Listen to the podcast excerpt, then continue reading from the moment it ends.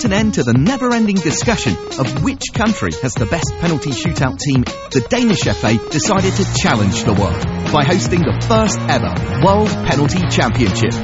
More than 300 teams from more than 20 countries took the challenge.